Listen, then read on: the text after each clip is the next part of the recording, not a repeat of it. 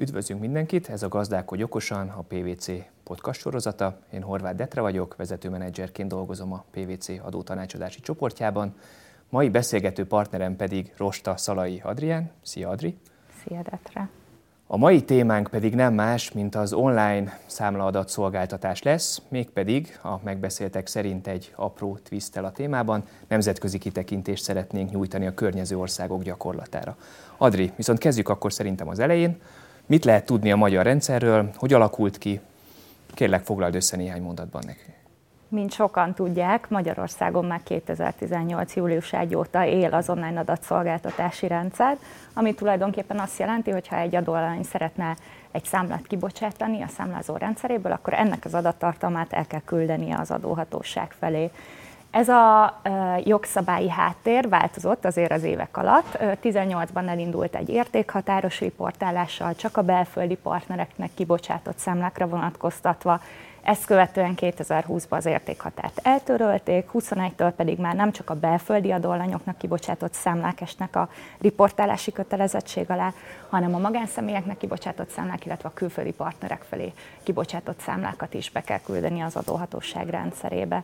Nagyon fontos megjegyezni, hogy magyar szempontból a számla először kiállítódik az adóalany számlázási rendszerébe, és ebben a pillanatban elindul az adattartalom riportálása az adóhatóság rendszerébe. Fontos azt is megjegyezni, hogy a, egy ideje lehetőség van arra, hogy a beküldött adattartalmas adatcsomagot, az XML fájlt, ezt elektronikus számlának is lehet tekinteni, így a vevő a NAV rendszerén keresztül hozzájuthat a számlához. Köszönöm, Adri.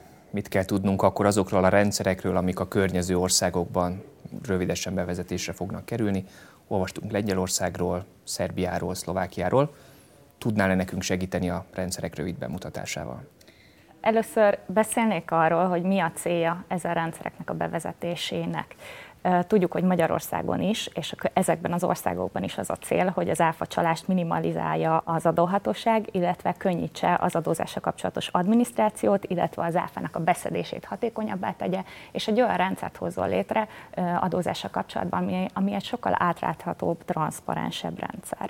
Kezdeném talán a lengyel változásokkal Kicsit máshogy ö, kerül ez bevezetésre Lengyelországban, mint ö, Magyarországon, hisz, hisz Lengyelországban a pénzügyminisztérium létrehozott egy rendszert, amibe be kell küldenie a lengyel adóalanyoknak egy XML adatcsomagot a számla adattartalmáról, viszont itt még nem áll ki a számla.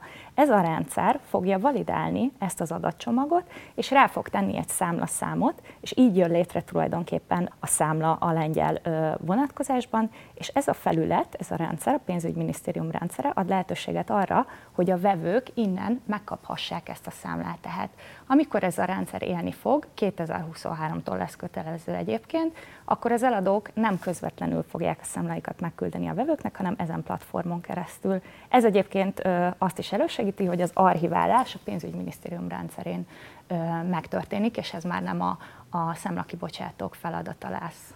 Igen, izgalmas változások. Én úgy látom, hogy van egy, egy jól kialakult, stabil magyar rendszerünk, ehhez képest egy természetében azért alapvetően más lengyel rendszer.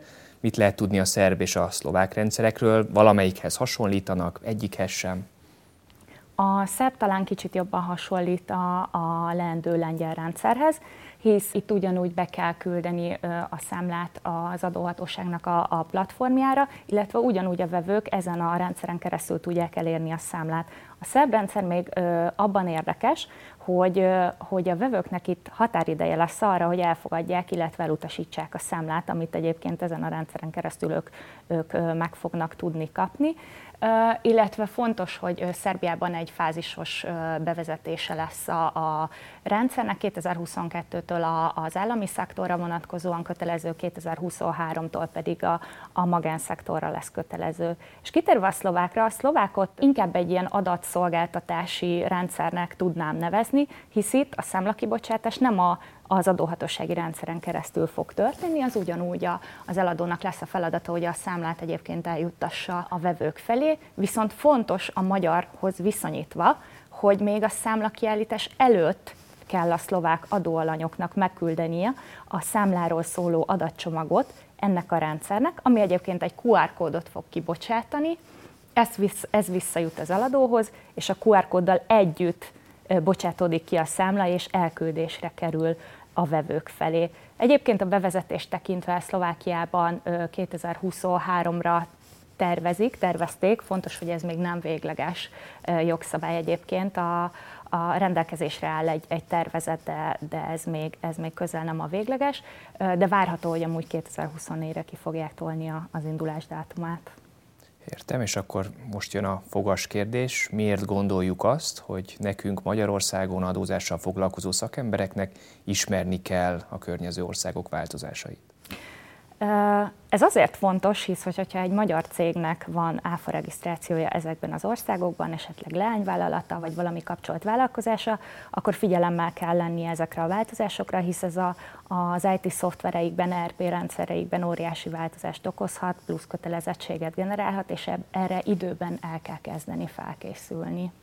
Rendben, tehát sok új változás, és ha jól értem, amit mondasz, akkor minden olyan magyar társaság számára ez fontos lehet, ahol vagy van egy telephely, egy áfa regisztráció, vagy akár egy leányvállalat a környező országokban. Jól értem, hogy akkor náluk releváns ez a változás. Így van, illetve még hozzátenném azt is, hogy akinek vannak lengyel, szlovák, illetve szerv partnerei, annak is utána kell nézni, hogy ezek a beszállítók egyébként 2023-tól vagy 2024-től, attól függ, mikor vezetik be ezt a riportási kötelezettséget, hogy fognak tudni hozzájutni a számláikhoz.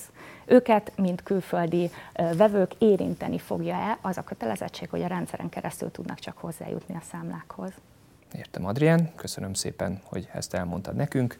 Köszönjük a figyelmet, ez volt a Gazdák, hogy okosan, a PVC podcast sorozata.